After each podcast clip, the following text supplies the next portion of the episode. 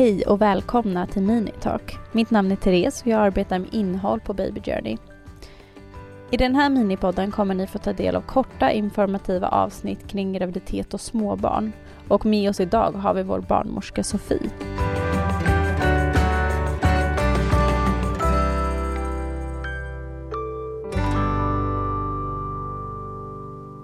Kan man av olika anledningar behöva föda med kejsarsnitt?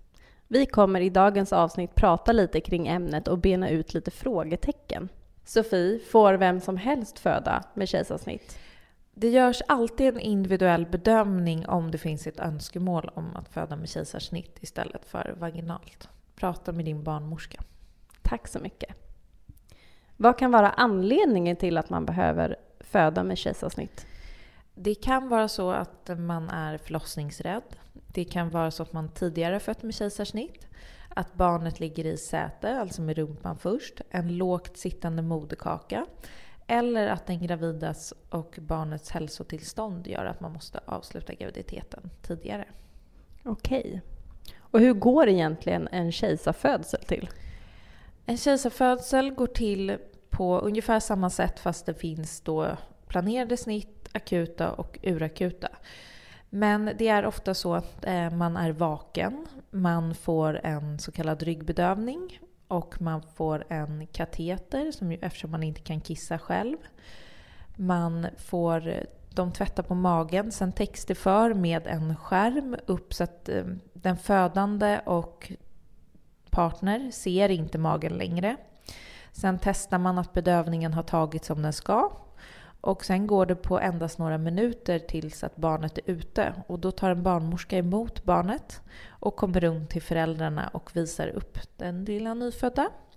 Och sen tar det en liten stund för eh, läkaren att sy igen själva snittet.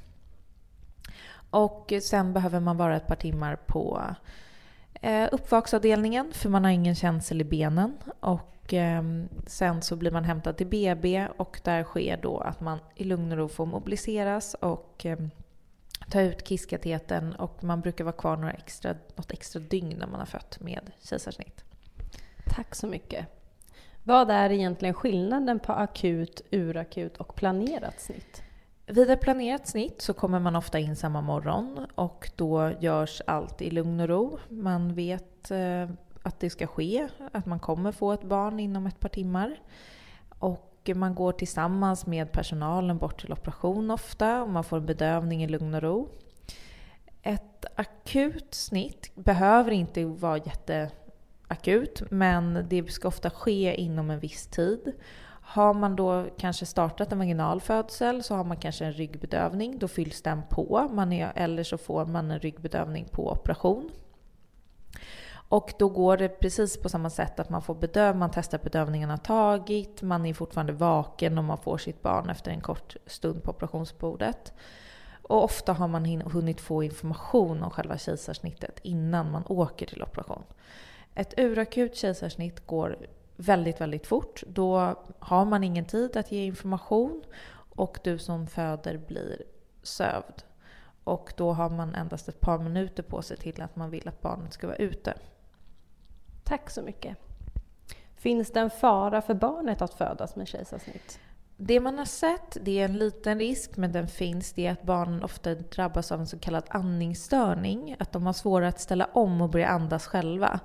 Det här är något som löser sig ofta redan på operation, att de får lite hjälp att andas mot ett luftmotstånd eller så behöver de kanske tillbringa några timmar på NEO, bebisavdelningen, innan de får komma till mamma och pappa. Men det går ofta över väldigt snabbt. Tack. Hur lång är återhämtningstiden för en födande? Eh, det är individuellt hur lång tid det tar med återhämtning, återhämtningen. Men man, ska, eh, men man ska inte bära mer än sitt barn den första tiden efter ett kejsarsnitt. Och man ska vara försiktig med att träna och överlag tunga lyft. Så Sofie, påverkar ett kejsarsnitt framtida förlossningar på något sätt? Efter att man fött med ett kejsarsnitt så får man föda vaginalt om man så önskar. Men har man gjort fler än två kejsarsnitt så rekommenderas man att föda med kejsarsnitt igen och då kan det önskemålet nekas att föda vaginalt. Tack så mycket. Tack för att du har valt att lyssna på Minitalk med oss.